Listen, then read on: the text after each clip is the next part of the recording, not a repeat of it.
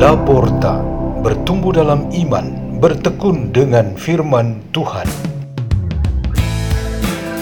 Radio Laporta, pintu terbuka bagimu untuk pertumbuhan pengetahuan dan kebijaksanaan tentang Allah.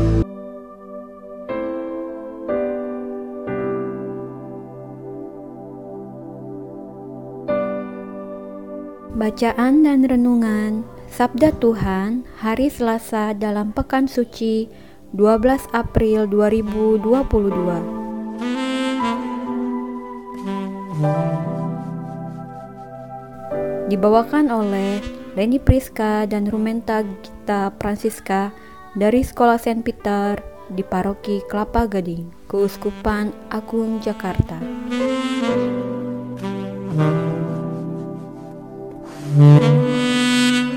Inilah Injil suci menurut Yohanes. Di dalam perjamuan Paskah dengan murid-muridnya, Yesus sangat terharu lalu bersaksi, Aku berkata kepadamu, sesungguhnya seorang di antara kamu akan menyerahkan aku. Murid-murid itu memandang seorang kepada yang lain. Mereka bertanya-tanya siapa yang dimaksudkannya. Seorang di antara murid-murid Yesus, yaitu murid yang dikasihinya, bersandar dekat kepadanya di sebelah kanannya. Kepada murid itu, Simon Petrus memberi isyarat dan berkata, Tanyakanlah siapa yang dimaksudkannya. Murid yang duduk dekat Yesus itu berpaling dan berkata kepada Yesus, Tuhan, siapakah itu? Jawab Yesus, dia adalah orang yang kepadanya aku akan memberikan roti sesudah aku mencelupkannya. Sesudah berkata demikian, Yesus mengambil roti, mencelupkannya, dan memberikannya kepada Yudas anak Simon Iskariot. Dan sesudah Yudas menerima roti itu, ia kerasukan iblis. Maka Yesus berkata kepadanya, Apa yang hendak kau perbuat, perbuatlah dengan segera. Tetapi tidak ada seorang pun dari antara mereka yang duduk makan itu mengerti apa maksud Yesus mengatakan itu kepada Yudas. Karena Yudas memegang kas, ada yang menyangka bahwa Yesus menyuruh dia membeli apa-apa yang perlu untuk perayaan itu, atau memberi apa-apa kepada orang miskin. Yudas menerima roti itu lalu segera pergi. Pada waktu itu, hari sudah malam. Sesudah Yudas pergi, berkatalah Yesus, "Sekarang Anak Manusia dipermuliakan, dan Allah dipermuliakan di dalam Dia. Jikalau Allah dipermuliakan di dalam Dia, Allah akan mempermuliakan Dia juga di dalam dirinya, dan akan mempermuliakan Dia dengan segera."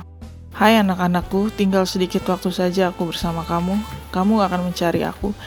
Dan seperti yang telah kukatakan kepada orang-orang Yahudi, ke tempat aku pergi tidak mungkin kamu datang. Demikian pula aku mengatakannya sekarang kepada kamu.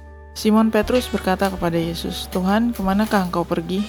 Jawab Yesus, ke tempat aku pergi engkau tidak dapat mengikuti aku sekarang, tapi kelak engkau akan mengikuti aku. Kata Petrus kepadanya, Tuhan, mengapa aku tidak dapat mengikuti engkau sekarang? Aku akan memberikan nyawaku bagimu. Saud Yesus, nyawamu akan kau berikan bagiku. Sesungguhnya aku berkata kepadamu, sebelum ayam berkokok engkau akan menyangkal aku tiga kali. Demikianlah sabda Tuhan.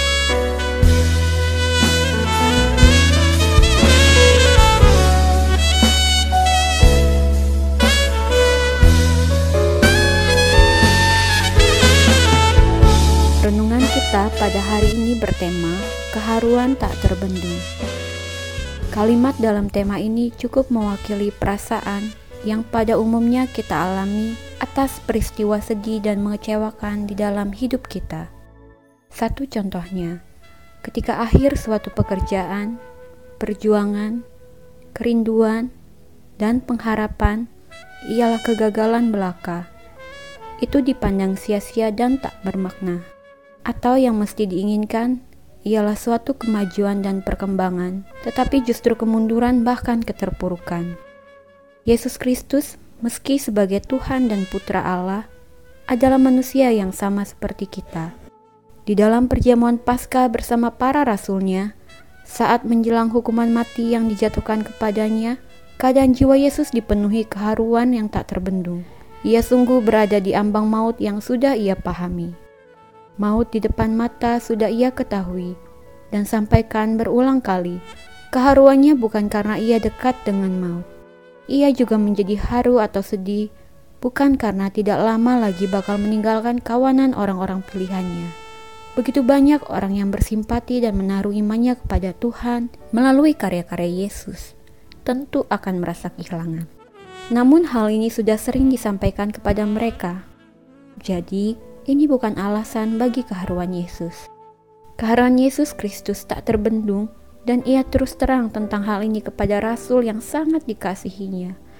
Ada satu hal yang menjadi sebabnya, yaitu menjelang perpisahan dengan mereka, tampaknya tanda kegagalan di dalam tubuh komunitas pengikut Kristus itu. Dua orang kepercayaan Yesus yang mestinya diandalkan sebagai penopang komunitas terlanjur menunjukkan langkah mundur. Yudas Iskariot sebagai bendahara bakal menjadi perusak bagi komunitas itu. Ia seorang yang penuh ambisi untuk memuaskan nafsu duniawi dengan orientasi hidup yang materialistis. Uang dan harta menjadi pegangan hidupnya yang akhirnya melalui kegilaan itu ia berhasil mendapatkan sejumlah kecil uang setelah menjual Yesus Kristus ke tangan para musuhnya. Sikap materialistis dan duniawi ini jelas akan merusak dan menghancurkan komunitas hidup beriman. Petrus sebagai rasul pertama tampak kurang bijaksana dalam berbicara dan bertindak. Ia ingin bereaksi cepat dan mau segera menjadi pembawa solusi.